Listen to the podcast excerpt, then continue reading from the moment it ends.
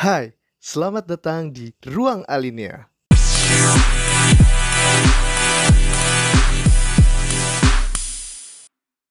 pengen ada Ya, lagi ya. nih. Hmm. Betul. Nah, gue janjiin, gue buat lagi. Akhirnya setelah kita rempukan juga nih buat jadwal Rem, segala bentar, macam. rempugan tuh apa ya? Rempukan. Rem, apa ya Rempukan. rempukan ya? Betawi dong, rempuk. Musyawarah. Ya, semacam musyawarah. musyawarah Gitu intinya loh ya. gitu ya. Iya. Akhirnya malam ini kita bisa barengan lagi buat ngobrol-ngobrol lagi. Kebetulan nih kema- minggu kemarin si Dimas nggak bisa masuk, nggak bisa ikut join. Nah, iya banget. anjir. Bocah. Lebih Udah- milih teman kosan nih. Ya udah bocah. Kita udah lama kosongin ketemu, ya. jadwal. Dia Iya. kagak nyempet nyempetin buat ngobrol. Aduh. Di, Maaf. Ih, apaan sih lu? Eh, eh muka muka So lu imut lu, jamet. Muka lu serem gak ada cocok-cocoknya. Emang gue lucu ya, emang gue ngimut ya. Eh, Mas, lu lagi di mana sih, Mas? Lagi berak tuh ya? ya Suaranya jauh, suara suaranya jauh banget. Lagi berak tuh gimana? ya. Iya ya. Mana ada, gue gak berak. Lagi iloj. Aha. Tapi sekarang eh, lagi pada santai kan semua maksudnya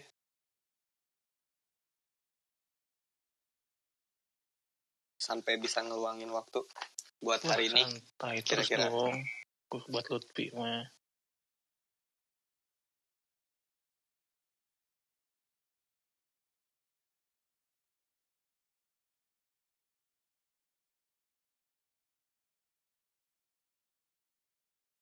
Supaya nanti kayaknya ke depannya kita terus bikin lagi kayaknya bisa lebih seru sih. Boleh, boleh. Oke, ayo. Boleh banget. Iya, Ah. Ayo. Gimana Ya, kerjaan hari ini? Aman semua Kerjaan hari ini. Kerjaan, bisnisan. Ya, apa pun aman, itu aman, ya. aman. Kebetulan eh makanya tadi agak telat sedikit tuh gue lagi ini lagi ngurusin vendor-vendor buat nikahan. Di agak sorry banget belum buka handphone. Oh. Gaya bener. A- asik banget Gaya, ya, udah gaya. ngobrolin nikah ya. Mau Batur, eh, rek ngik- Kawin. Ini mau orang ngikutin jejaknya Uatere. diem diem diem diem tiba-tiba aja ya bahasnya kayak gitu Iya. ngomong gitu ya aduh Iya. Kayaknya Gila lo. bosen bahas-bahas dugem terus. Wah, Emang iya. udah lewat juga masanya kan, udah lewat juga masanya. Wah. Kalaupun kita terus apa ngobrolin itu ya udah yang di tahun-tahun 2016 2017 sekarang kan tahun berapa? Berarti kan kuliah sekarang bisa udah. masuk tuh. Ya, kerja udah usaha udah tinggal apa? Apalagi Tinggal ya. nikah. Kawin, Iya. kawin, kawin. Makanya kan berarti di antara berenam yang udah nikah cuma Eja doang nih. tuh si Reski Kita pada udah belum. udah gendong anak tuh. Wih, kan tuh Aji, Iya. itu gendong doang. Belajar belajar. Tapi kemarin kayaknya ada yang Wah. gitu Wah, udah ada yang pakai cincin tuh. siapa tuh? kita tapi nggak tahu jadi apa enggak ya? Betal, betal. kayaknya kayak kayak dilempar deh itu kayak. Kayaknya dilempar tuh. Kayaknya kayaknya asik kali ya kalau kita bahas. Kan kan ini ini randomly banget nih gitu Hmm. kan. Kita ya dikumpulin maksudnya dikumpulin lagi dari next step uh, yang kemarin terus kita bikin WA, ngobrol-ngobrol terus dikasih link lagi sama uh, Empi. Kayak asik kali ya kita ngebahas bahas-bahas pernikahan. Ya nggak sih? Maksudnya Iya. di umur-umur di umur-umur yang sekarang maksudnya kita kan udah mau eh, jalan ke tiga deh. Iya. gitu. Nah, apalagi tadi eh, apa namanya? Si Impi kan tadi bilang eh, dia lagi mau ngurusin nikah. Coba dong Pi cerit eh, ceritain dong Pi. Lo nih kayaknya kan udah lama ba- udah ter- udah lama ya lo sama ngebet eh, ngebet kawin ya lo ini. gitu, udah ngabet kawin lo ya Impi ya? sebetulnya bukan gue yang berkawin, Riz. Cuma karena usianya terpaut lebih tua satu tahun. aduh Jadi jadi gue yang ditarik sebetulnya. Oh, kayak seperti gitu itu. tuh. Kejar, Gitu. terkejar terkejar Iya, dikejar oleh waktu. waduh Dikejar waktu Makanya- waktu Soalnya ini juga Mantap. udah hampir ke pending satu tahun sebetulnya. Waduh. mudah-mudahan Di perut terus sampai ya. satu tahun. Udah ke pending satu tahun gue. Bentar, Ja. Bentar. Apa nih yang di perut? Itu maksudnya Nahan nyendirnya. lah, nahan bang. Oh, oh, iya. Iya, iya, iya, iya. Bisa, bisa. Jadi, eh, jadi berarti insya Allah di tahun ini atau tahun depan? Kan kalau tahun ini masih PPKM, Pi. Tahun 2022 insya Allah mudah-mudahan Tapi- awal. Riz, PPKM juga masih ada aja sih yang iniin. Oh iya, masih Heeh. teman. Sampai ada yang di teman bis gua pun tuh. Ingat ingat gak sih? Hah? Yang Hah? nikah di bis. Ada, Di bis. nggak tahu gue. Eh, tahu, sumpah sumpah. ada Gak tau gue, gue gak ngikutin. Kemarin tuh apa ya kemarin tuh bilangnya apa sih? Lupa gua. Buset, Eja lagi di mana, Ja? Lo, Lu, lu lagi lagi lo lagi di pangkalan ngeronda. ojek, Ja? Lagi ngeronda. Lagi di pangkalan ojek. Anjing, ini organik banget. Lagi jadi bapak-bapak komplek lu ya, Ja? Eh, ini wajar lah. Sekarang tuh udah malam Sabtu, PPKM diperpanjang terus, jadi takut tingkat kriminalitas meningkat. Jadi aing jaga terus nih. Nih, mana nih? Kan yang kriminalnya, Gila bapak gotong royong banget nih. kriminalnya lu aja sebenarnya aja. Lu kedok doang kayaknya aja. Eh, Ja, lo kan Munir, Ja. Iya. Enggak, Tri, apa ya bahasa apa ya? Maaf. Tadi Oh iya, sorry, sorry. Eh, iya, iya. Kita eh, kita bahas apa ya? Oh ya, nikah, nikah. Nih, Tadi udah nih. kan nikah kan, yang, nikah. lagi, yang lagi pada ra- rame nikahan termasuk pas lagi ppkm kayak gini juga tadi gue dikasih tahu ya sama sama orang wo nya malahan eh, bulan November besok ada yang mau ngadain eh, pesta nikahan itu tiga hari tiga malam tanggal 18 19 Tiga 20 hari tujuh malam. shit, serius. Gimana tiga hari tujuh malam ini? Tiga hari Masih tiga malam Oh, Ada pi yang kayak gitu pi. Hmm, asli masih ada res dia Tapi- full tapi gini loh, outdoor semua tiga hari tiga malam ya. Eh, gini loh ya, nikah nih ya. Eh sebenarnya era pandemi ini tuh enaknya tuh nikah tuh ada gaya baru sih. Kayak sekarang kan vendor-vendor ngadainnya intimate wedding ya. ya benar Jadi bener-bener substansif aja gitu. Jadi nikah tuh ya kalau misalkan dibilang tuh akad doang atau cuman intimate, cuman keluarga dekat karena kan pandemi ya. Nah malah itu jadi tren baru loh. Kayaknya seru nikahnya tuh jadi kalau punya uang lebih mending beli rumah daripada nyicil KPR. Karena Kecuali yang gue gengsinya juga gede, Ja. karena gue juga bakal intimate wedding sih sebetulnya meskipun tahun besok terlepas apa sih namanya udah boleh lah segala macam intimate sih Intimate Ma- wedding sih? makanya ya lebih ke keluarga deket semua res gitu Heeh. kayak misalkan keluarga kedua belah pihak misalnya total 200 undangan deh misalkan kayak gitu Mm-mm. Oh. Jadi makanya kan eh, nikah itu sebetulnya emang bukan wajib ya, tapi emang harus ngundang orang karena eh, nikah itu diikat secara kesepakatan tuh. Emang harus kayak gitu sih, cuman ya emang gak banyak orang makanya ada saksi itu. Kalau nggak ada saksi ya nikahnya nggak sah. Karena emang harus ada saksi, harus kesepakatan orang lihat oh ya ini nikah nih. Kalau nggak kayak gitu kan kalau orang nggak tahu nikah, wah ini kumpul kumpul kebo nih gitu. Iya Apalagi sih. apalagi di Udah daerah-daerah capek ya. kan, peh digerebek dulu. digerebek di mana wa aduh aman aman kayaknya yang, yang sering digerebek mah itu kalau nggak Reski Dimas Lah, kenapa gue ya? Wah, Irfan tuh Irfan. Apaan Irfan anjir? paling sering Irfan paling Iya. sering di Anti hotel di hotel apa ya namanya gue lupa deh terakhir kita Oh, di ya. Motel, motel dia mah. Apa pun. Mau apa pun mah villa langsung. Apa-apa. Dia mah di, di pintu merah. Jangan nanggung-nanggung kalau gitu mah. Si Oh, iya, iya, iya, iya. Oh, Siap, siap. eh di, di apart juga pernah bareng gue kali Riz Hei, siap, siap, siap. Apa tuh? Galak. Galak. Biasalah. galak. Ini nggak bakal nanya gue yang udah nikah tiga tahun nih. Nah Iya, gue justru makanya gue gue Mau nanya. gue mau Eh, nanya lu kan kan. banget ditanya. ih, soalnya kan dari tadi kan kita kan bahasnya eh, era maksudnya nikah. Yang baru mau nikah. Nikah baru mau. nikah baru yang mau baru mau nikah terus pernikahan di eh, zamannya covid ini gitu. Nah gue tuh mau nanya sebenarnya kan.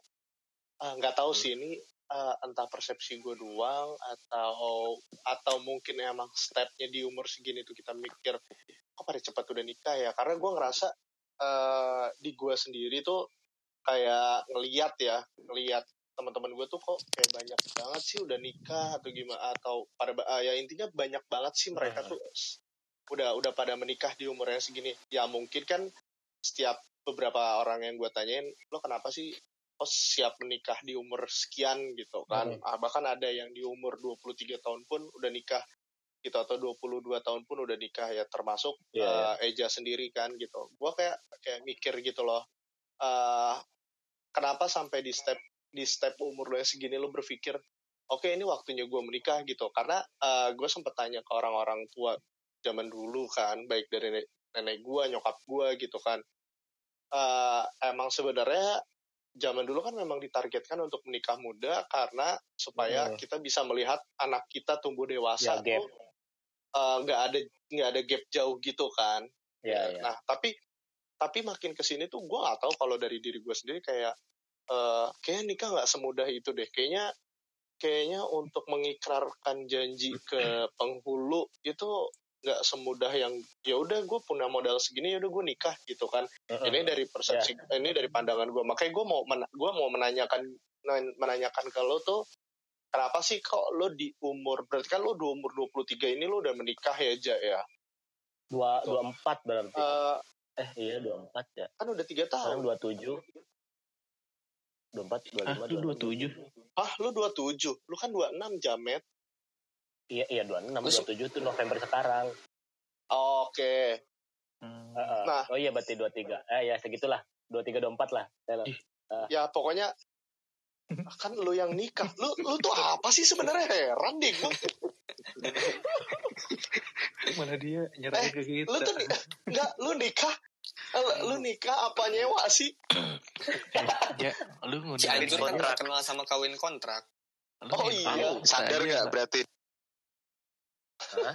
Di bawah sadar. jadi gini Nggak nih sadar gini sih. ya. Coba dong. Eh, lo lo lo nikah, lo nikah di tahun eh, lo nikah di umur berapa? Eh, dan kenapa sih lo sampai berpikir bahwa eh apa? Kayaknya gue harus gue udah gue udah pengen nikah deh atau mungkin eh kayak memang udah selayaknya gue menikah sama pasangan gue deh Heeh. gitu. Padahal yang di mana notabene eh, ya gue tahu lo struggle banget dengan kehidupan lo gitu kan, dan lo Hmm. membiayai kuliah eh, eh, masa akhir kuliah itu dengan uang lo sendiri, lo bekerja sebagai jurnalis dan lain-lainnya pun. eh, tapi kan kayaknya menurut gue masih ada satu achievement yang belum lo lo lo capai gitu. Kalau menurut gue ya, tapi eh, apa namanya? Kenapa sampai lo bisa memutuskan bahwa oke, gue siap eh, menikah di umur segini sama pasangan gue gitu. Heeh, heeh. Jadi gini nih, pertama sih gue dulu nggak mikir panjang ya.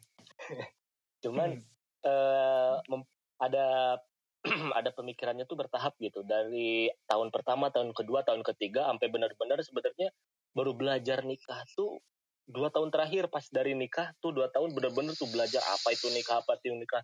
Sebetulnya pas awal itu nggak ada kepikiran bahwa wah ini gue kayaknya udah siap nih mapan nih. Malah kalau dibilang mapan ah papan bukan mapan kali ya.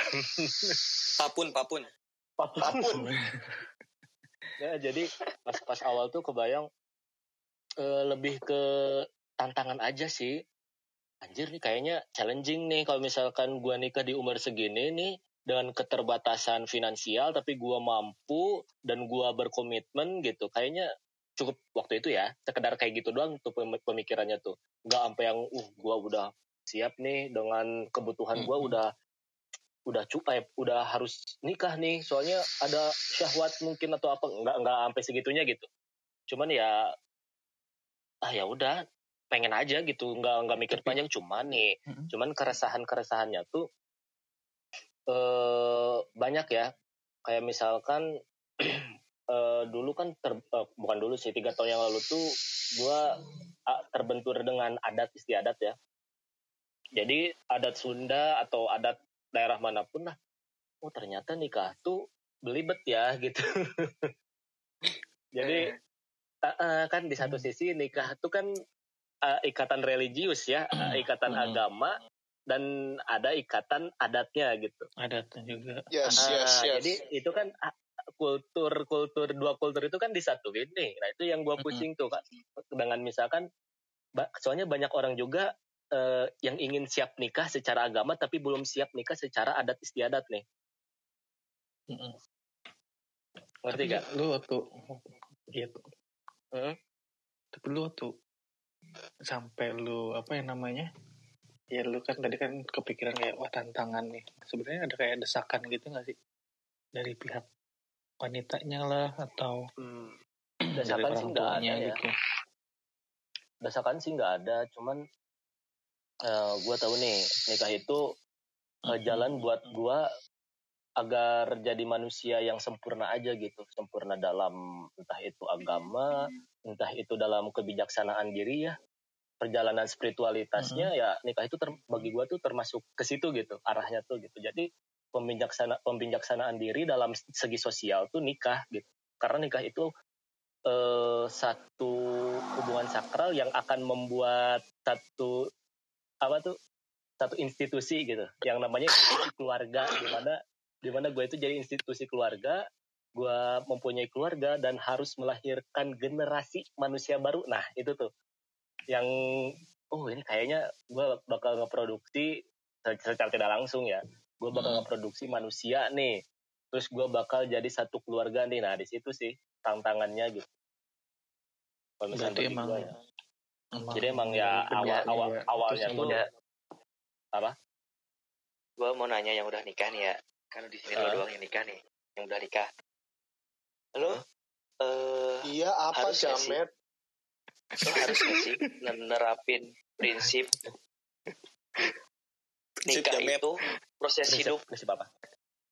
proses hidup maksudnya Proses hidup gimana? nih? proses hidup kita eh, jadi kita ada Eh, lu lagi di zaman kita tahun bakal- 80-an ya? Lu ngomong amat heran.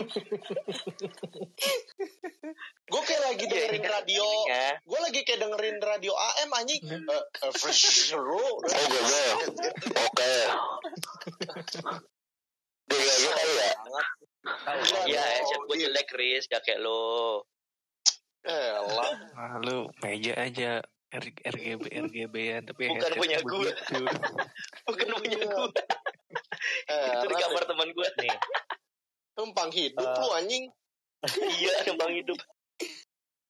Itu tuh, tuh, tuh, gimana tadi? apa apa? Ini suara gue dengar kagak? Oh, kedengaran, kedengaran. Dengar Itu, Jamal. jadi... Menurut lo proses hidup ada... Eh, nikah itu masuk ke proses hidup kagak gitu?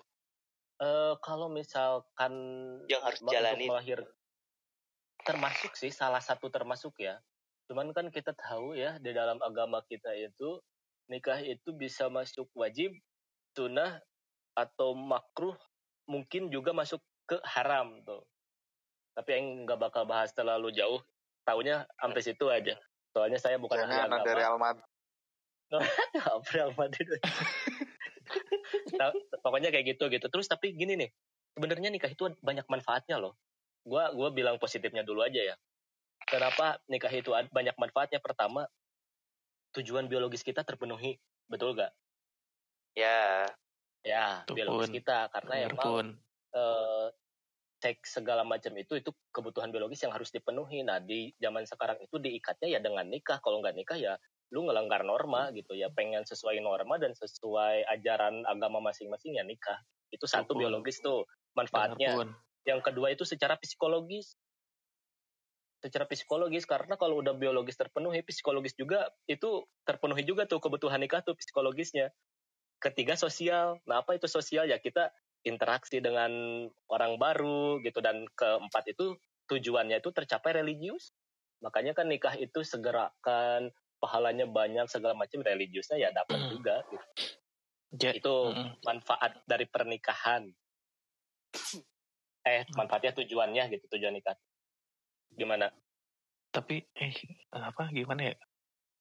Lu eh kayak nunjuk apa istri lu sekarang ini kayak "Wah, ini gue emang jodohnya main ini gue pasti ya gue kayak yakin dengan Nah, sebetulnya ya, sih? yang yang gua rasain Hmm. tuh kayaknya yang kayak gitu-gituan tuh eh, gak ada deh kayaknya oh, ini jodoh gua nih uh, gua seret banget nih kayaknya bukan kayak gitu di tapi bagaimana kita pembentukan itu tuh ngerti gak sih pembentukan karakter gitu kan banyak jadi di mana ya. kita disatuin sama dua orang tuh kita ya gimana ngebentuknya nih gua mau jadi kayak gimana itu ya gimana kita dan gimana pasangan kita gitu nggak bisa wah ini jodoh gua nih pas oh ini dia bukan jodoh gua nggak pas nih Mm-mm. sebetulnya pas atau nggak pas itu bagaimana kondisi kita bisa menyesuaikannya gitu soalnya di nikah itu ada ilmu menerima bukan ilmu menuntut ilmu menuntut Hmm. itu mudah nih kayak misalkan kayak gini ya wah lu pakai jilbab dong ke Mm-mm. ke istri misalnya ke istrinya lu pakai Iya. jilbab atau lu pakai eh apa kayak gitu yang baik-baik atau nuntut lah banyak nuntut lu harus Hmm. bisa masak lu harus rajin beres-beres gitu lu harus bisa layanin suami ilmu nuntut itu mudah tapi tapi Betul. ilmu nerima tuh itu sulit tuh ilmu nerima tuh nah Betul, makanya bagi pasangan muda yang ingin nikah tuh mending perdalam ilmu nerima dah. Jadi saling nerima itu luar biasa itu manfaatnya daripada saling menuntut gitu. Ya kan? Wah, mm-mm. kacau sih itu kalau saling nuntut tuh. Yang tuh aja ya, tuh ya. yang kayak gitu kan. Ehang, ehang. ya kan banyak tuh Ja, yang Ah. kayak gitu kan kayak ah gue gak cocok nih kayak sama dia nih soalnya dia kayak begini-begini. Ya terus kalau misalkan Ren. nih nih Eh gue kasih beberapa motif nikah nih ya. Mm, yang gue tahu nih eh woi woi woi woi woi. Eh, yang gue tahu nih ya motif nikah itu ada 10 buset. Pertama. Iya. Kalau misalkan lu dari motif nikah lu nggak nyampe 10 poin atau dari 10 lu cuman satu lu mesti bertanya ulang lagi sih. Coba. misalnya lo ini pas nggak sih? Soalnya nih salah satu itu ada Mm-mm. 10 ya gua bacain eh, yang gue ingat. satu-satu. Pertama itu cinta. Iya. Alasan nikah itu motifnya harus pertama harus cinta dulu. Cinta nggak nih? Iya. Kedua ada emotional security atau happiness gitu. Eh, bahwa dengan nikah dengan alasannya tuh gue pengen menjaga emosional aja buat gue lebih bahagia lagi gitu. Mm-mm. itu yang kedua. Atau yang ketiga tuh alasannya tuh eh, escape from loneliness jadi gue keluar dari kesendirian gitu "Aduh, anjir buat sendiri nih jomblo nih nah motifnya tuh itu salah satu motif lo buat buat lo nikah gitu karena gue jomblo terus nih gue pengen berdua nah gimana Res? Nggak, lanjut lanjut lanjut nggak jadi nah ketiga jadi. itu ad, eh, ke langsung ketiga keempat ya ada apa ya namanya aduh eh, economic security Mm-mm. Jadi ada rasa eh ya untuk tujuannya untuk ekonomi itu betul loh misalkan ada cewek nih, oh Mm-mm. gua eh, butuh cowok yang mapan nih kan kayak gitu kan ya. Ah, iya, Ya emang itu gitu. salah satu motif nikah tuh ekonomi tuh gitu. Terus yang ke Jadi lu yang, merasa terpacu gitu. nah iya ini nih ya. Papun cocok banget nih kayaknya nih pun Eh, nih. Ja, Papun sebelum mapan, sebelum lu gitu. lanjutin gue mau tanya aja gimana lu ya ngeyakinin eh Diri pihak lu. dari cewek oh ngeyakininnya ya pihak dari keluarga bawa cewek martabak bawa martabak tiga selain gerobak. itu aduh. Macam Iya, Dilan iya, lo iya. bawa martabak tiga gerobak. sama dimsum. Lo buka franchise lo. Lo buka franchise mohon maaf tuh tiga gerobak. ntar ditanyain kamu mau ngelamar anak saya atau mau ngajak saya jual Join to the Gua club bikinin martabak. masukin martabak markobar eh maaf maaf Eh. Hey, hey, hey, hey, hey. Tadi rumah gua ada tukang nasi goreng. eh tukang martabak Oh iya. Nah, sorry, sorry, sorry, sorry, sorry. Ini kita lagi bahas martabak ya. Gak ada ya. Weh, Gimana tuh Ja yang dibilang si Papun cuman tadi? cuman gini doang eh, eh bu- bukan cuman sih iya gimana eh, yang yakinin nih pertama itu orang tuh di apa tuh dipegang ya omongan sih ngejar di mana pun ya omongan. Jadi ya lu ngeyakinin bahwa modal yang gua punya itu pertama cuman cuman dua sih gua. Nekat. Mentalitas mentalitas nikah. Dan kedua itu kesungguhan atau komitmen. Udah itu doang sih. Ketiga kanyut Lepas ya. lu punya Servis servis. Nomor wahid. Nah, kan Iya, itu. kan kan juga mungkin eh, si pihak eh, keluarga pihak ceweknya pasti nggak mungkin langsung 100% oke dong pasti ada keraguan Hmm, hmm, tergantung ya, tergantung keluarganya sih. Kebetulan ya, ya di sini sih enak-enak aja sih. Dengan dua ke, eh, dua keyakinan dengan dua poin itu untuk meyakinkan ternyata oh ya udah gitu karena Berarti itu sih tipe modal yang paling penting soalnya gini loh Hmm. banyak ya kayak artis-artis modalnya itu mungkin bukan mentalitas atau kesungguhan tapi modalnya itu duit misalkan Iya. kemapanan dan akhirnya itu sampai ada yang kasus ciuman lah udah cerai lah apalah gitu kan Close friend. nggak Close nggak friend. nggak nggak nggak nggak nggak ngejamin gitu kalau misalkan ternyata lu banyak duitnya juga gitu. jadi emang ternyata bagi orang-orang yang sadar itu yang paling dibutuhin itu kesungguhan loh kesungguhan ngebinanya itu kayak gimana sama mentalitasnya soalnya me- mentalitas tuh kalau nggak nggak kuat-kuat ya anjir uh kayak roller coaster naik turun anjir Ya berarti kan tipe karakter keluarga tuh kan keluarga orang tuh kan beda-beda kan. Tergantung Mhm. kita ngeyakininya gimana berarti ya. Hmm, kadang juga kan gini ya banyak orang tua yang nggak intervensi ya nggak sih lu Hmm. harus kayak gini Nah, lu kayak itu gini. tuh. Nah, lu Nah, sempet itu ditanya kan, juga padahal- sih? Apa? Kayak sempet ditanya-tanya gak sih pas lu kayak minta izinnya gitu kan ke ditanya-tanyanya tuanya. gimana? ya misalnya kayak kamu oh kalau gue sih Iya, bilang kayak gini ya. eh nih gue nggak punya apa-apa. Gue ke sini ini gue ngomong tapi dengan bahasa yang halus Mm-mm. ya. Eh ya analoginya kayak gitu loh gue datang ke sambil sini nggak sambil, punya sambil apa-apa gue catet. Gue nggak punya apa-apa datang ke sini gue punya maksud yang baik yaitu ingin nikahin anak bapak gitu maksudnya. Dan niatnya ibadah. Cuman modal bukan cuman modal maksudnya bilangnya ya gue punya kesungguhan iya pokoknya buat ngebina ini gitu. Dan selepasnya kalau misalkan diterima mangga ya silahkan kalau nggak diterima ya ya udah tinggal balik aja balik kanan gerak. Kalau nggak diterima gitu sih kalau prinsip gue ya jadi nggak akan gue ngeusahain sampai minjam ke Kosipa Iya. minjam ke Bank Emok gitu. Buat gue "Oh, gitu. gua harus nikah nih. Kan banyak ya orang-orang yang belain banyak banyak. bukan bela malah bukan belain buat pasca pernikahannya gitu tapi belain pas Iya. resepsi pernikahan Nah, gitu. Pas acaranya itu. parah gitu jadi nikah di gedung yang puluhan juta rumah ngontrak gitu atau KPR nyicil gitu kan Iya. nggak make sense anjing. itu ratusan KPR. juta lu kawin nggak dapat nggak beli rumah mati ke aja gengsi ya itu ya masuk Iya. Enggak, bukan. Tapi lebih ke jadi buat kayaknya buat sekarang-sekarang bukan sekarang-sekarang aja sih. Kayaknya dari zaman pas kita masih kuliah eh, kalau masih pada ingat kayaknya banyak deh yang tunangan kayak udah berasa jadi suatu keharusan. udah terus Sampai kayak, kayak- wah udah Iya, kayak, iya, kayak, sering lihat. kayak dipandangnya wah gitu dan, dan Iya. dan lu jadi beban ya dan lu harus ngikutin juga ya karena lingkungan lu ngik- kayak gitu gitu apalagi apalagi lingkungan si wanitanya kayak begitu Iya, Iya. sebetulnya yang lebih ada lebih lebih Apa banyak tuh? kayak tuntutan shower. kayak hal-hal gitu. Iya. Dari wanita sih kemungkin ya cuma kan mungkin setiap orang pasti kan beda-beda juga ya pemikirannya meskipun entah wanita apa gimana Heeh. Mak- mak- nah makanya kita itu proses penyesuaian harus benar-benar loh sama pasangan tuh gitu. Jadi jelasin tuh karena kan eh komunikasi itu nomor satu loh dalam hubungan itu tuh. Jadi betul apalagi eh, kita itu harus benar-benar komunikasi itu. Soalnya kalau misalkan nih dalam filsafat nikah aja ya komunikasi itu ada lima macamnya ada vitalize, harmoni, ada konvensional, ada yang complicated, ada yang devitalize. Jadi kita tuh harus bisa sampai di vitalize, cocok dalam sebagian hal, komunikasi yang bagus dan mampu menyelesaikan masalah dengan baik dan transparan. Nah itu yang perlu dibutuhin dulu. Berat banget gak sih? Ya, juga sih. berat ya Ah, berarti kan yang penting kan jangan sampai nikah itu bikin banyak utang ya. Hmm, jangan- Awal jangan- awalnya pengen kan- seneng, eh jadi malah sengsara malah jadi sengsara gitu kan ke belakangnya. Tapi eh gue baru dengar sih maksudnya kayak ada seseorang gitulah ibaratin gitu ya mau nikah tapi harus jadi berhutang gitu loh.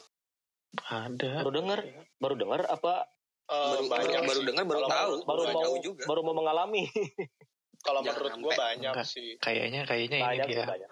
Baru dengar kayaknya wah Banyak. boleh juga nih iya soalnya Iya. kan termasuk termasuk gue ya Eh, ini kan Soalnya- gini gue ter, anggaplah gue nggak nggak anggaplah gue nggak punya apa-apa gitu ya ingin nikah nih ya gue cuman punya kerjaan dengan gaji tok segitu nggak punya Hmm. tabungan yang berlebih misalkan ya itu kalau misalkan dibenturkan dengan adat istiadat itu sulit anjir apalagi adat Sunda di adat Sunda itu ada istilahnya seserahan yang sebelum Hmm. nikah itu kita harus melengkapi kebutuhan si cewek dari ujung rambut sampai ujung Ujung kaki, kaki. kuku sampai tai kukunya nah itu harus dipenuhi loh dalam Hmm. seserahan itu kayak gitunya nah itu kan adat istiadat ya sedangkan itu- kita nih Pas Hah? keserahan itu pas di awal kan sebelum nikah kan. Oh ya di awal tuh di awal, Heeh, Saran, sebelum kan? nikah ya, iya nggak sih? Apa peran Iya. yang bawa-bawa Sebelum- nikah? sebelum- sebelum. Sebelum kan. Sebelum ya? Sekar- eh, tergantung sih sebenarnya gini. Eh, Hmm. Kayak eh, gue nggak tahu ya apa itu eh, apa namanya dibilang seserahan seserahan menikah bisa sebelum atau enggak karena eh, jujur nyokap gue seorang selain seorang pekerja juga dia eh, maksudnya ada side side job itu sebagai eh, apa wo Nah, eh karena menurut gue seserahan tuh sebenarnya bisa dilakukan eh se- eh, bareng sama menikah ataupun hamin satu bulan menikah gitu. Kayak mengikrarkan sih sebutannya tapi Heeh, itu jadi itu heeh, jauh sebelum dari tunangan ya ataupun apa. Karena kan se- setahu gue bahwa di eh, agama Islam itu tidak tidak dianjurkan kita untuk menikah. Mm-mm. tapi kalaupun untuk seserahan ya kita diperbolehkan. Karena itu memang udah ada kepastian kan. Karena kepastian itu bahwa ya oke bulan depan kita akan menikah segala rupa. Makanya adanya seserahan itu sih. Tapi seserahan bisa dibalik di setahu gue seserahan itu eh, bisa dilakukan hamin satu bulan menikah ataupun pada saat menikah gitu. Nah eh apa namanya eh gue kayak mau sedikit eh berbicara maksudnya bukan bukan bukan berbicara juga sih kayak gue kayak mau nanyain gitu sih. Menurut opini-opini kalian ya kalian yang maksudnya aja Heeh. yang udah menikah gitu udah menikah lama Empi yang akan menikah bulan eh tahun depan Eh, Dimas juga maksudnya keseriusan Dimas bersama pasangannya ya teman-teman lainnya juga lah. Eh, menurut lo gitu eh wajar nggak sih maksudnya? Eh, wajar nggak sih atau make sense nggak sih gitu di umur 22 di zaman yang sekarang itu kita udah menikah.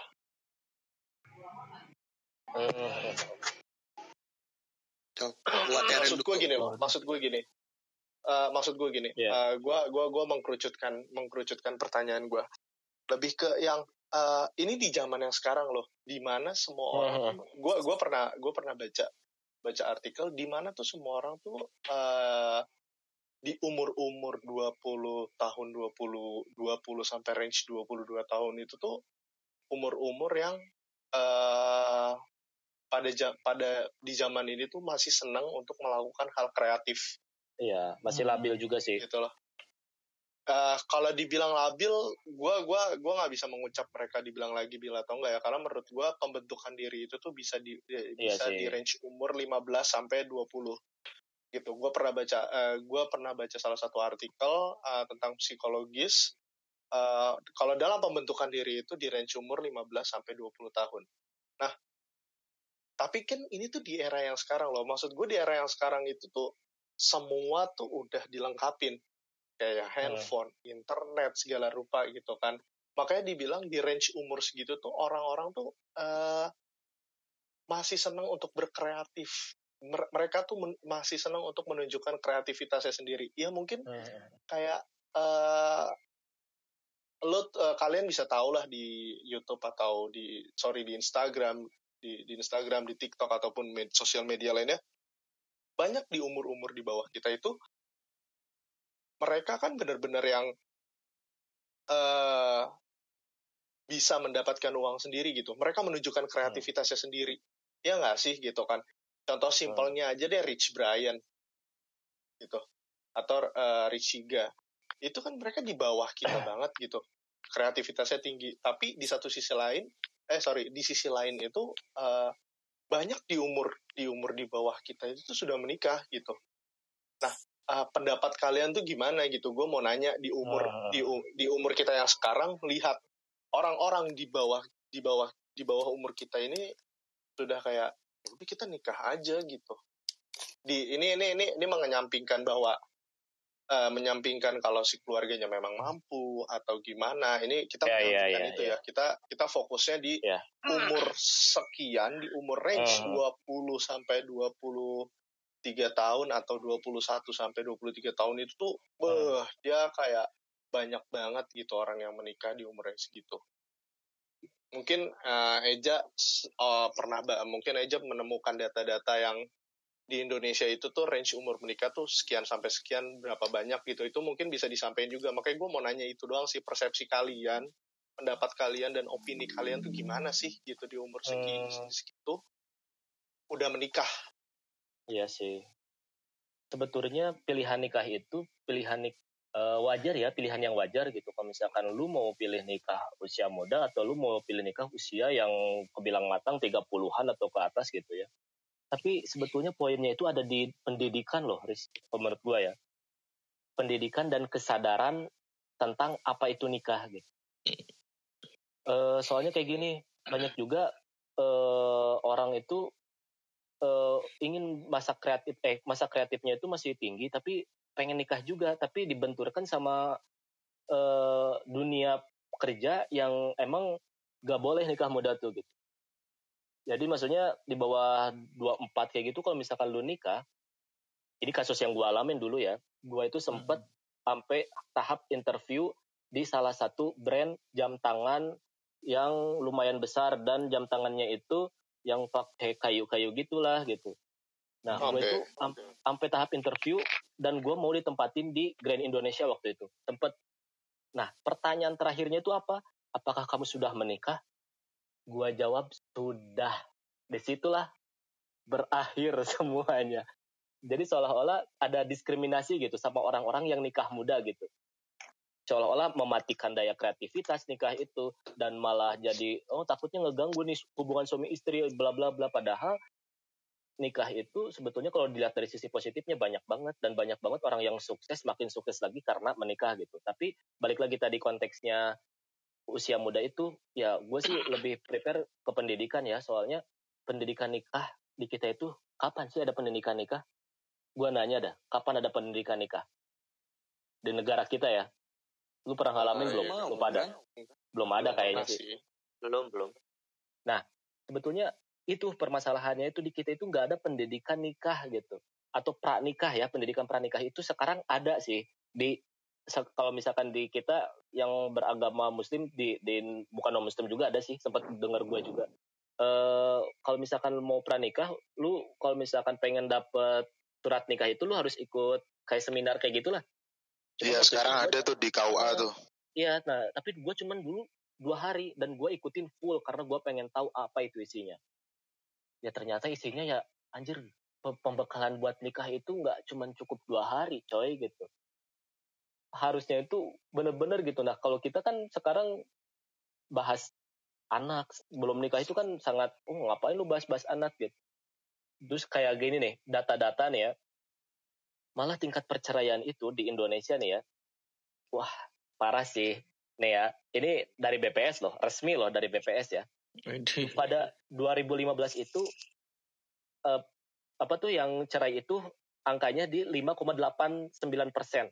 Nah sekarang 2020 itu naik jadi 6,4 persen anjir. Dari 79 juta itu dari 79 juta eh 72 juta rumah tangga itu sekitar 4,7 pasangan itu dinyatakan cerai. Ngeri nggak sih? Dan per, Eh, dan Ja- Eh, tadi berapa persen yang menikah dan berapa persen yang eh, cerai? Jadi dari 72 juta rumah tangga nih ya, yang nikah nih dari 72 juta orang yang nikah itu 4,7 pasangan itu cerai loh. Dan Oh, yang paling eh, yang paling mirisnya itu bukan karena faktor ekonomi, Riz. Oke lah kalau Oh, karena faktor Karena ekonomi kita faktor- udah nggak mampu, tapi yang Oh, paling? Yang nomor satu itu alasannya itu Hmm. karena perselisihan dan pertengkaran cekcok ya yang di mana itu kasus paling besar perceraian itu di 0 sampai 5 tahun. 2019 aja itu nyampe 32 ribu kasus Wow. dari 0 sampai 5 tahun nih yang yang nikah nikah range muda umur nih. berapa aja? Eh, range itu umur nikah nikah muda itu di range umur 20-an. Hmm. 20 yang sampai nikahnya 30. tuh gara-gara 20 gengsi itu 30. Ya, ya mungkin termasuk di dalamnya ya, entah itu karena mampunya bal- balik lagi yang tadi gua singgung. Mungkin kuatnya eh mampunya secara ekonomi tapi mentalitas Hmm. atau kesungguhannya nggak ada. Makanya Ya, ya. Nomor yang satu itu bukan karena ekonomi, anjir perselisihan sama pertengkaran yang di mana itu anak muda banget gitu. Nah, yang kalau misalkan usia pernikahannya 6 sampai 10 tahun di range 30 tahunan ke atas itu cuma 27 ribu kasus, itu juga lumayan banyak loh. Wow. 27 Tapi itu kasus. pasti ekonomi ya. Nggak tahu juga sih, tapi Oh, yang yang di- paling di iya, sini tuh yang disinggung itu perselisihan dan yang kedua ini salah satu kedua itu kasusnya tuh gara-gara salah satu pihak meninggalkan pasangannya. Gitu paling yang kayak Jadi cabut tuh bosen tuh biasanya tuh orang-orang orang-orang bosen nih anjir bosen Di gini-gini aja cabut. yang Hmm. korban-korban nikah muda gitu kan kayak ah teman-teman Iya. masih pada main segala macam. Makanya nih di di orang itu tua orang makanya kan kan dia mereka kan gengsi terus Hmm. udah nikah yuk nah terus habis Hmm. itu anjir kok bosen ya nah Hmm. udah terus ngeliat teman-temannya Sama Nah, tuh kasusnya kayak teman kosan gue tuh bukan belum belum kasus cerai ya maksudnya ya. Itu kayak Hmm. kasus dia udah turangan nih.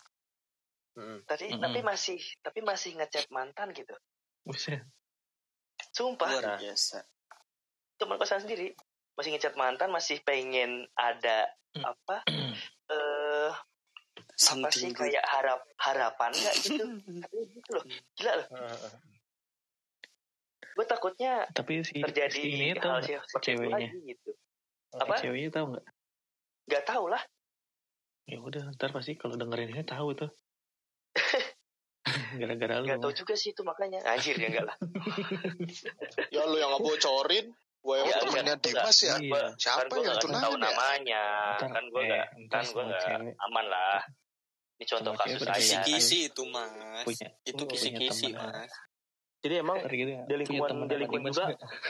banyak ya kayak misalkan iya dia udah nikah gua belum cewek-cewek tuh biasanya kayak gitu kan iya iya ya di Nah, kita iya nih itu kita. Cewek gitu cuman tuh. berdua lagi nih yang belum nikah nih iya iya nah kayak keresahannya dimulai dari situ dan gini loh banyak orang itu mikirnya itu nikah itu pelabuhan terakhir ngerti gak sih?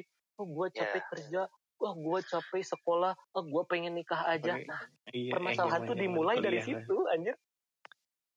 Orang yang ya, eh, orang yang persepsinya itu bahwa nikah itu pelabuhan terakhir gitu. Seolah-olah lu masa lu beres sama nikah. Padahal anjir nikah itu kompleks banget dan permasalahan baru tuh dimulai dari pernikahan tapi nggak nyadar ke Iya situ sih. sih nah itu pendidikannya balik lagi kesadaran tentang pernikahan itu apa jadi Yes. pernikahan itu bukan gengsi tapi pernikahan itu nih ya kalau misalnya sesuai filsafatnya itu untuk melahirkan super babies bahwa nikah itu untuk melanjutkan generasi baru kita dan pertaruhannya itu generasinya tuh mau merusak atau mau jadi generasi benar nih mau jadi koruptor atau mau jadi orang yang benar nih generasi yang mau kita produksi ini.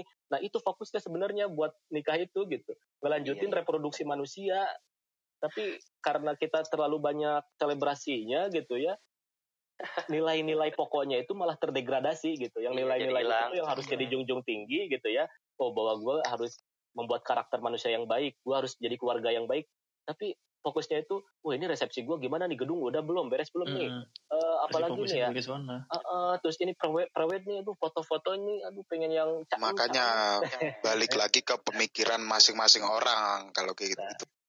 Nah ini juga makanya se se sebarilah di iniin juga gitu. Terus ini nih, apa tuh kadang kita eh nggak nggak ya nikah itu sebetulnya butuh sahabat. Ngerti nggak sih?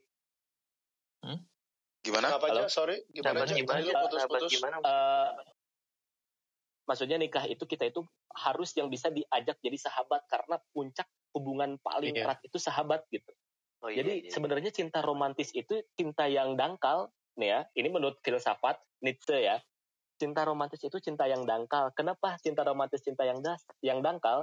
karena cinta cintanya itu berdasarkan eh, keterikatan fisik.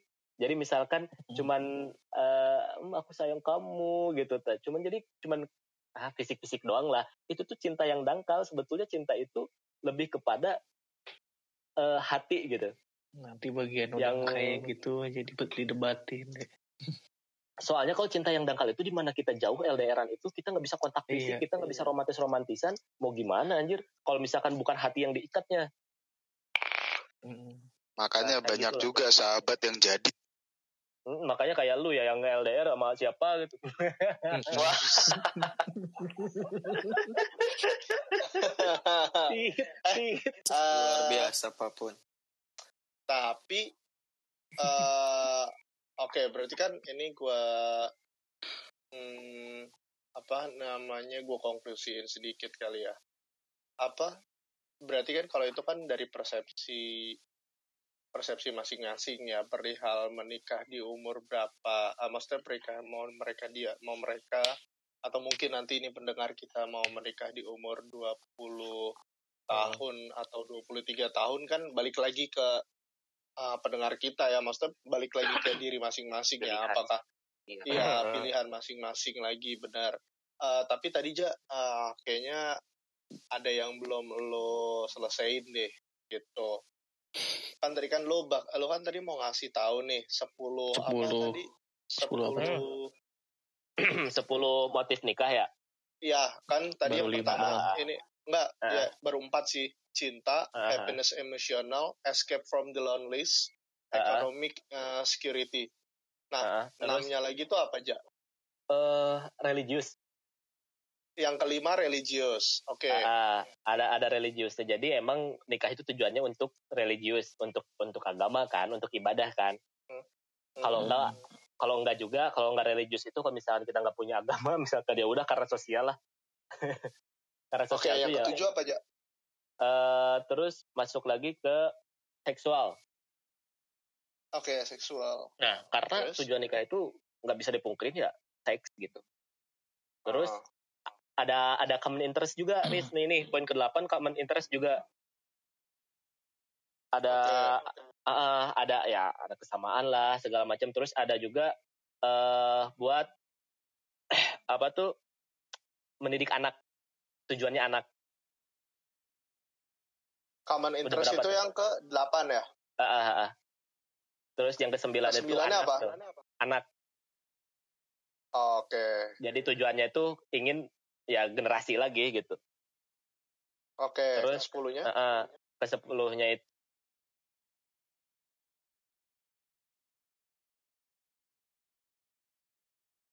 ya Hilang. pada hilang Tuh hilang.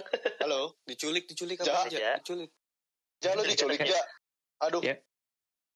bahaya baru nih juga baru juga bentar anjir ya ya aduh gawat. Aja diculik. Gawat gawat gawat gawat. Diculik nih. Wah. Gimana nih? Pas buat ngomongin anak ya. wah ini nih Ja. gara-gara ada yang ma hmm. Hmm. ya tapi wah dia nggak di Ja, ja. nggak nggak di mute juga soalnya. Iya makanya nih gawat nih. Wah, anjir. Ini aduh ini kurang satu ini, ini kurang satu lagi nih Jadi nanggung ya Riz ya. Kentang. iya Kentang. apa ya? aduh apa ya aduh ini kayaknya pas yang pas yang ngedengar pas yang ngedengar kita oh, oh ternyata tuh pernikahan itu punya 10 apa sih itu tadi ya Hmm. namanya 10 10 unsur gitu ada cinta happiness emotional escape from the loneliness economic security religious sexual common interest uh, sama uh, baby lah ya anak Mm-mm. nah mungkin satu lagi siapa tuh satu lagi ya hmm Siapa satu tuh? lagi apa ya gitu ini Eja Tebak-tebakan dah. ke mana sih Ya ilah. aja diculik ya Malu-maluin sih kalau misalnya dia nggak Iya, ada pulsa tuh. Baru dapat halo, Ja. juga dia. eh kok gue ngilang ya bang Iya Ja. Gimana? gue ba- Eh. gue dari gue bahas apa nih tadi ya Yang kesembilan Ja. Sembilan. Yang yang Sembilan ke anak. sembilan anak, anak anak loh anak Ah, yang ke sepuluh Anjir. Iya, Lagi eh, aja, yang nanggung ke sembilan, ke sembilan itu anak ya. Hmm. Yang ke sepuluh itu harapan keluarga. Paham nggak? maksudnya, maksudnya gimana? Jadi eh, keluarga itu berharap kapan lu nikah. Nah itu tuh salah satu motif anjir gua disuruh keluarga nih nikah nih. Itu salah satu motif nikah nih. Hmm. Terus? Nah, jadi gini nih, kenapa Hmm. ada sorry sorry yang ke sepuluh apa tadi? Sepuluh apa? Harapan. eh, harapan keluarga. Harapan. Oh, Heeh. jadi keluarga itu berharap bahwa kita itu harus punya keluarga gitu. Mm-mm. Nah, poin yang paling pentingnya itu di antara nilai-nilai yang tadi itu ini nih. Kalau misalkan lu punya 5 dari 10 motif gitu ya. Mm-mm. Ya lu kuat buat buat mempertahankan nikah lo gitu. Kalau misalkan apalagi lu punya motif 10-10-nya, lu makin kuat lagi gitu mempertahankan nikah lo. Karena kalau misalkan lu cuman punya satu motif dari 10 motif, anggaplah lu Hmm. punya cinta, tapi lu nggak punya kepercayaan agama, lu nggak punya sexual attraction, lu nggak punya yang lainnya, ya lu gagal aja gitu. Kalau misalkan udah nikah, eh udah cintanya hilang pas nikah nih, karena alasannya hanya cinta, cintanya udah hilang, apa yang mau dipertahanin? Tapi kalau misalkan lu punya motif lain, oh gua ingin anak nih, ada nih dipertahanin, berarti motif yang lain itu ngejarnya anak, kalau enggak agama nih, oh Hmm. gua i- pengen ibadah nih, agama nih, makanya lu harus bener-bener perha- perhatiin tuh motif-motif di situ tuh. Jadi gua udah sampai mana nih? Apa jangan-jangan gua hanya eh, jomblo aja, escape from loneliness gitu- gitu ya? Gua pengen. Hmm. Berdua gitu. Karena kalau misalkan itu juga nih bahaya kan. Tapi lu nggak punya rasa cinta misalkan. Atau lu Gitu, nggak punya common interest yang sama gitu ya. Mm-mm. divorce-nya apa tuh resiko divorce-nya itu lebih tinggi aja gitu. Jadi makanya takutnya kayak hati-hati aja gitu kan. dari ah, ah. nah makanya siapa nih Lutfi nih yang mau nikah lu udah punya motif apa lu kalau misalkan pengen nikah nih? Cinta udah ada nih. Ngejar kebahagiaan Lutfi. ya nih. Terus eh, keluar dari kesendirian misalkan oh ada nih Terus- ada ekon eh, ini ad- adventure lu gitu ya misalkan eh oh ya gue pengen challenging aja Apa? gitu misalkan tadi pengen anak gitu nah itu sih balik lagi ke refleksi diri aja sih kalau yang kayak gitu gitu iya sebetulnya Mhm. soalnya Iya, iya, iya. eh, kayaknya buat buat sekarang juga yang gue rasain sendiri ya buat ngadepin katakan sesuatu hal yang sakral kali ya buat Mm-mm. eh, ngadepin pernikahan gitu sebetulnya kayak yang hampir dari yang tadi aja sebutin pun sebetulnya mungkin sebagian besar sudah ada ya entah Uh-huh. itu dari challenging entah itu dari common apa itu namanya ya itulah Makanya kalau orang ngomong tuh dengerin, apalin. kebiasaan Mana sih? Ada sih Pi. eh, mau gue sebutin lagi nggak pi? Sebutin lagi res kayaknya. Coba coba sebutin res, sebutin res. coba emang sebutin emang sebutin. Kayak bikin malu deh, heran Ini nih. deh. yang pertama cinta. Eh mantap. Ya kan? Yang kedua mantap. happiness emosional. Yo Oi, mantap. Yo, eh. yang ketiga escape from. The loneliness nah itu. Yang keempat Economic ekonomi security, Oh, yang udah kelima tahu. religious yang keenam seksual. Ketujuh common common interest. interest. Terus? Lanjutin lagi Pi lanjutin lagi Pi anak sama harapan? Berapa itu Aman. totalnya? Coba hitung. Satu dua tiga empat lima tujuh sepuluh.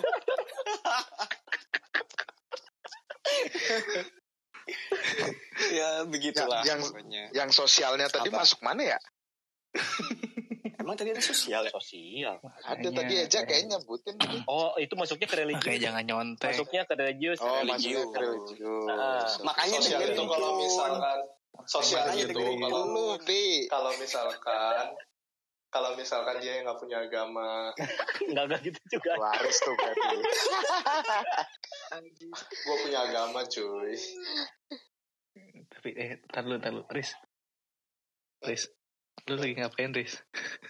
Kayaknya Kalau udah kalau gitu tahu, kayak di kamar mandi lu lagi dulu ini nih goblok nih gue gue punya poin penting nih.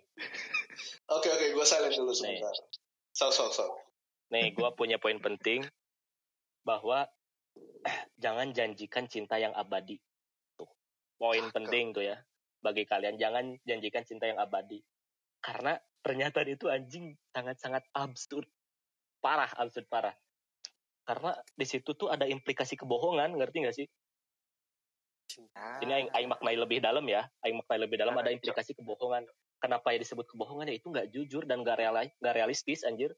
Nggak ada yang abadi itu. Semuanya juga temporer ngerti gak sih? Lu mau nikah Iya. pun ya udah nikah ada yang ada yang meninggal. Mungkin ada divorce ada perceraian atau lagi ya Iya. banyak hal gitu.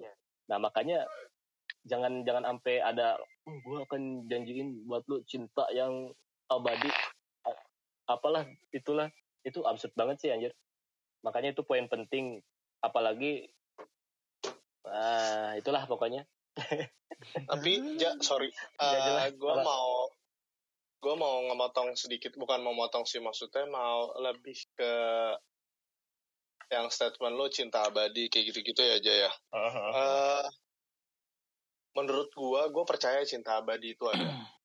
Cinta abadi itu ada, tapi after we're married Widih. gitu. Jadi Wow. Biasa.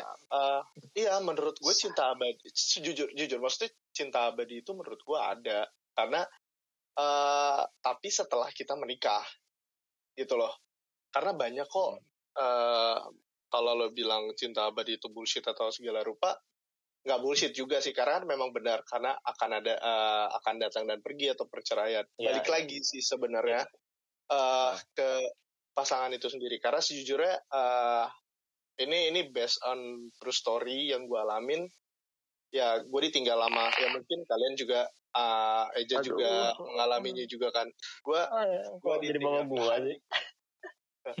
Kan gue ditinggal oleh Ya, uh, gue ditinggal oleh bokap gue gitu kan.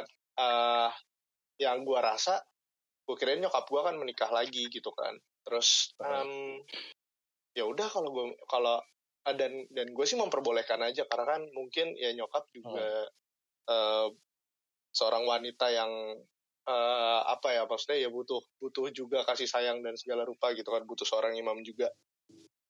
Tapi ternyata gue mikir gini gitu nyokap gue pernah bilang eh gue gue pernah bilang ke nyokap gue gini kenapa sih mama nggak mau menikah? Gitu kata nyokap gue Hmm. buat apa gitu menikah Hmm. itu eh apa namanya menikah itu cuma satu kali aja buat mama dan ini eh, kalau kalian pernah pernah nonton salah satu YouTube-nya Onat bersama Triwardoyo yang dia Mhm. ditinggal oleh istrinya eh, dia bilang begini kalau kita mening cinta eh, dia sorry dia bilang begini eh, lelaki itu bisa menikah empat kali kan?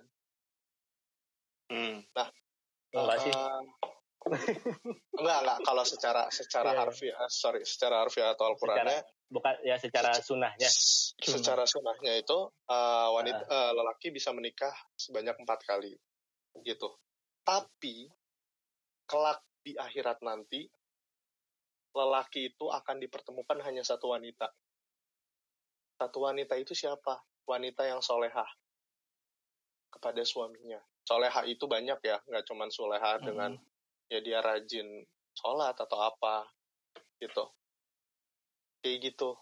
Nah dan suami eh ketika istri ditinggal suaminya itu kalau misalkan eh suaminya menikah lagi si istrinya si istrinya itu di akhirat nggak akan pernah ketemu.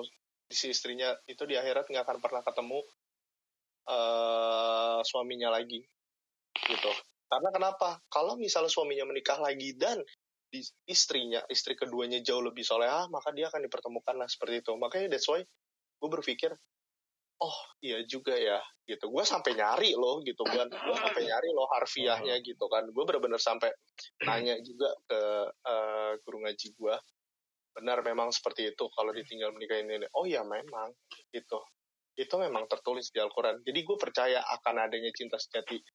But after we're a married balik lagi. Gitu cinta sejati itu ada. Tapi setelah kita menikah bukan cinta sejati yang diomong embel-embelin lu tuh cinta sejati gue kayak gue pasti bakal Hmm. nikah sama lo itu Ya. baru bisa dibilang dan dan, bullshit, dan tadi gu- gitu. tadi juga ada catatan catatan sedikit yang di setelah menikah pun dengan catat dengan beberapa catatan nggak nikah lagi gitu kan pas udah ditinggal meninggal nggak nikah lagi gitu kan ada beberapa catatannya kan nggak ini berarti ya apa ya masih iya ada beberapa catatan ya kayak tadi lu bilang misalkan kalau ingin ketemu lagi dan ingin ada cinta sejati itu ya berarti kalau misalkan ditinggalkan oleh salah satu pasangan dan di dunia pasangan itu menikah lagi gitu berarti nggak akan Hmm. ketemu juga kan? Kalau misalkan ini kon- konteksnya kalau istrinya yang meninggal. Kalau istrinya meninggal eh, istri itu bisa ketemu dengan suami suami suaminya. Ah, kalau istrinya meninggal, berarti Tapi, kalau cowok boleh ah, nikah lagi gitu. tapi kalau misalkan si suaminya menikah lagi suaminya menikah lagi nih Dan ternyata istri keduanya itu dia jauh lebih soleha dibandingkan istri yang sudah Oh, meninggal Jadi nggak akan ketemu sama istri pertama. nggak akan ketemu seperti itu Hmm. tapi correct me if I'm wrong ya kalau misalkan itu Ya begitu sih. jadi Ini juga buat buat yang dengerin juga bisa koreksi juga gitu ya. Iya betul betul banget karena menurut gua gua setelah nonton si eh, YouTube-nya Onat sama Triwardoyo, gue bilang wow gitu juga. Dan itu relate sama eh, apa yang nyokap gue omongin. Karena nyokap gue bilang eh ya nggak mau gitu kan. Apa ya mama pengennya ketika di akhirat ketika eh, ketika di akhirat nanti pada saat pada saat dibangkitkan kembali mama bisa bertemu sama papa ya. Jadi menurut gue ya udah gitu. Oh this is a true love gitu loh. Ya, tapi itu berlaku di ajaran lain nggak sih? Itu kan kita ya di Muslim mungkin. Muslim. Ada yang ada tahu yang cerita lain nggak sih di ajaran lain gitu? Coba, Ri. Aduh, gua- Sejauh ini belum sih. Belum Sejauh ada ya? Belum sih gue. Belum sih Oh, sejauh ini. barangkali nanti ada yang pendengar juga nih yang misalkan Iya, ada keluarganya dari mana gitu. Ceritain juga boleh nih. boleh boleh jadi kan ini kan pada oh aduh feedback jadi kan eh, apa namanya ini kalau misalnya yang ngedengerin kita nih secara kesimpulannya mungkin kan ya kalau kalian di umurnya di bawah umur kita maksudnya masih umur-umur 20 sampai 23 tahun eh, kita nggak melarang kalian untuk menikah cepat sih tapi eh, lebih yang dipikirin lagi gitu matangkan lagi lah gitu. matangkan lagi Siapin gitu. lagi lah. Apakah- betul apakah kalian siap akan namanya cinta unsur emosional escape of the eh, escape from the loneliness economic security religious seksual common interest anak dan harapan itu apakah kalian siap di situ? Dan hopefully sih harusnya memang kita sebagai laki-laki ataupun perempuan mungkin nanti yang dengar memang harus sudah siap itu ya. Sama benar tadi kata Eja pernikahan itu eh, intinya harus paham betul akan kat, ka- akan kalimat menerima gitu akan Itu kata sih. menerima gitu intinya itu ya. itu menjadi satu satu inti sih menurut gua karena benar juga sih kalau kita menikah hanya menerima menerima tuh nggak bisa hanya menerima satu Mm-mm. doang ya ya udah gua menerima lo karena cinta tapi pas nikah ya bla bla Ah, bla iya. ya sama aja dong ya kayak buat apa sih karena menurut gua gini eh gua nggak tahu ini ini ini persepsi gua gimana gimana gimana bagi gue tuh menikah itu tuh cukup satu kali. Gue nggak tahu apa karena gue masih belum berada di fase menikah atau gimana, tapi gue kayak ya gue melihat eh, orang-orang orang-orang terdahulu di lingkup keluarga gue ya gitu, mereka hanya menikah satu kali dan eh, jadi om gue pernah ngomong gini, Gimana? kalau lo mau menikah, menikahlah dengan niat. Karena ketika lo mengikrarkan tangan lo kepada eh, calon mertua lo nanti di pas akad, itu akan banyak seribu malaikat yang mencatat sumpah lo. Gitu. Jadi eh, ini pesan juga sih buat pendengar-pendengar kita. Jadi menikahlah atas dasar eh, kita bisa menerima dan dan kita benar-benar cinta sama pasangan kita bukan dengan asas gue cocok sama dia Heeh. Kayak gitu Cocok mau dibentuk. hmm, betul betul Gak ada tuh, oh, gua gak ngerasa cocok nih, gua cocok nih, Mm-mm. bentuk aja lu, cocok nggak, cocok-cocokin anjir. emang sama yang lain Iya. kan tetap cocok ya Ya mungkin itu Terus, kali. uh, Maksudnya eh, yang tadi kata Eja penekannya di, di apa sih namanya menerima kali ya. Mungkin dari dari suatu hal yang ataupun suatu istilah yang menerima itu mungkin nanti akan terjadi kecocokan kan. Maksudnya mungkin kayaknya akan lebih seperti itu kali ya. Ah, bisa Hmm, jadi. Bisa jadi. Bisa jadi, bisa jadi. Nih, apa ya mana ya? Ini ada beberapa pesan sih, kayak misalkan eh pesan tadi apa sih yang gua sampaikan yang di awal tuh? Gue sempat singgung apa ya? Eh ini ya lima macam hubungan. Iya. Ya. Nih, nih, ini nih, ini penting banget sih. Kita paham ada lima macam hubungan.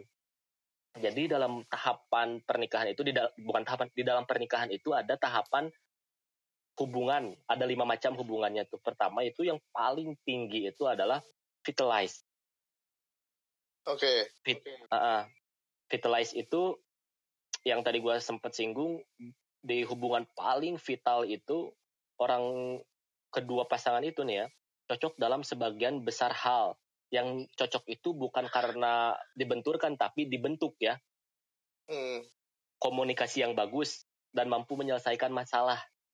Nah, kita harus ada di tahap vitalize dengan menjunjung tinggi nilai transparansi kayak gini misalkan. Orang tuh eh, yang kita nih masalah uang aja ya bagi keluarga apalagi di daerah-daerah ya gitu ya banyak yang uang tuh ya kadang suami sama istri itu punya posnya masing-masing yang suami nggak tahu istri nggak tahu ngerti nggak sih Iya. Mhm. Kayak Iya, harus- Masih ada Banyak. rahasia ya.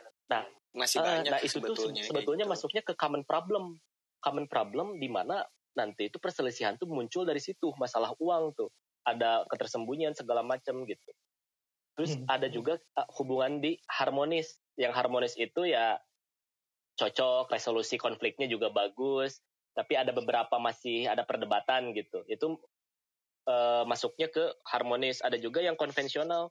Konvensional itu udah uh, alasannya tuh cuman ya kita nikah ber- bertahan karena cuman anak gitu. Banyak itu juga, juga kan yang hal-hal Jadi kita udah nggak nggak punya gitu kecocokan, kejadian. kita udah nggak punya Iya. kecocokan gitu.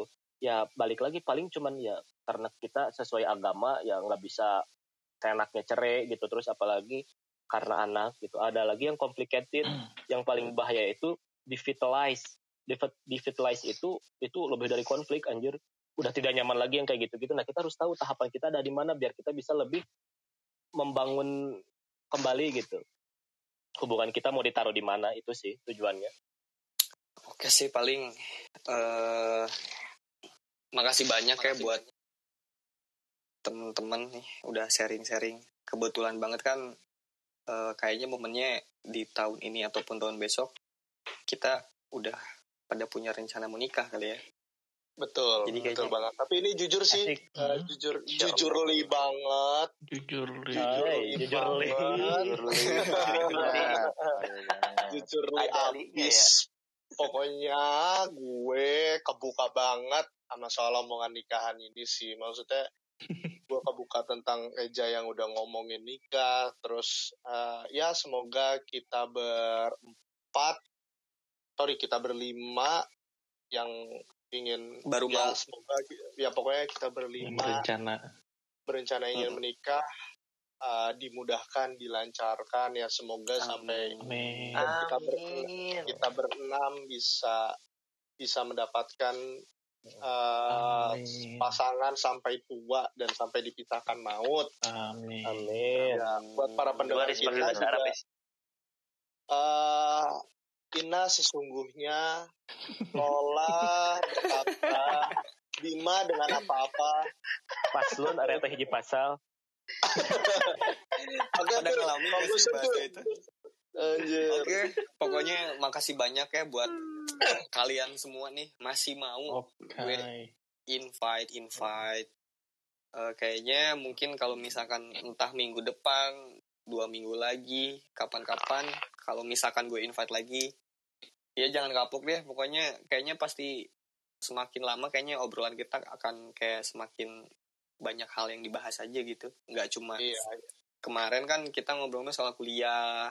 Sekarang pastinya udah mau ke mau nikah ataupun udah nikah ya mungkin nanti bisa apalah gitu masih banyak sih sebetulnya kalau lagi ada trending-trending bisa kita bahas kali ya berenam. Iya Nah, sih, iya boleh sih. bisa Boleh sih, Iya, boleh. trending trending trending pemerintah kali ya. Ayo.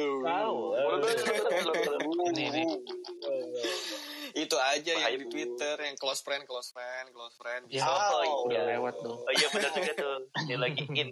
Ya kan? Ya pokoknya Iya, paling kayak gitu ya makasih banyak Aris Eja Oh, Reski oke. Dimas Yuk. Papu makasih ya. Bro. Semoga pendengarnya juga Yuk. senang juga sih kebuka juga wawasannya. Apanya? Oh. Wawasan. Apanya lagi? kasih banyak ya. memilih lah ya. Oke, bye. Bye, bye. Terima kasih telah mendengarkan podcast Alinea.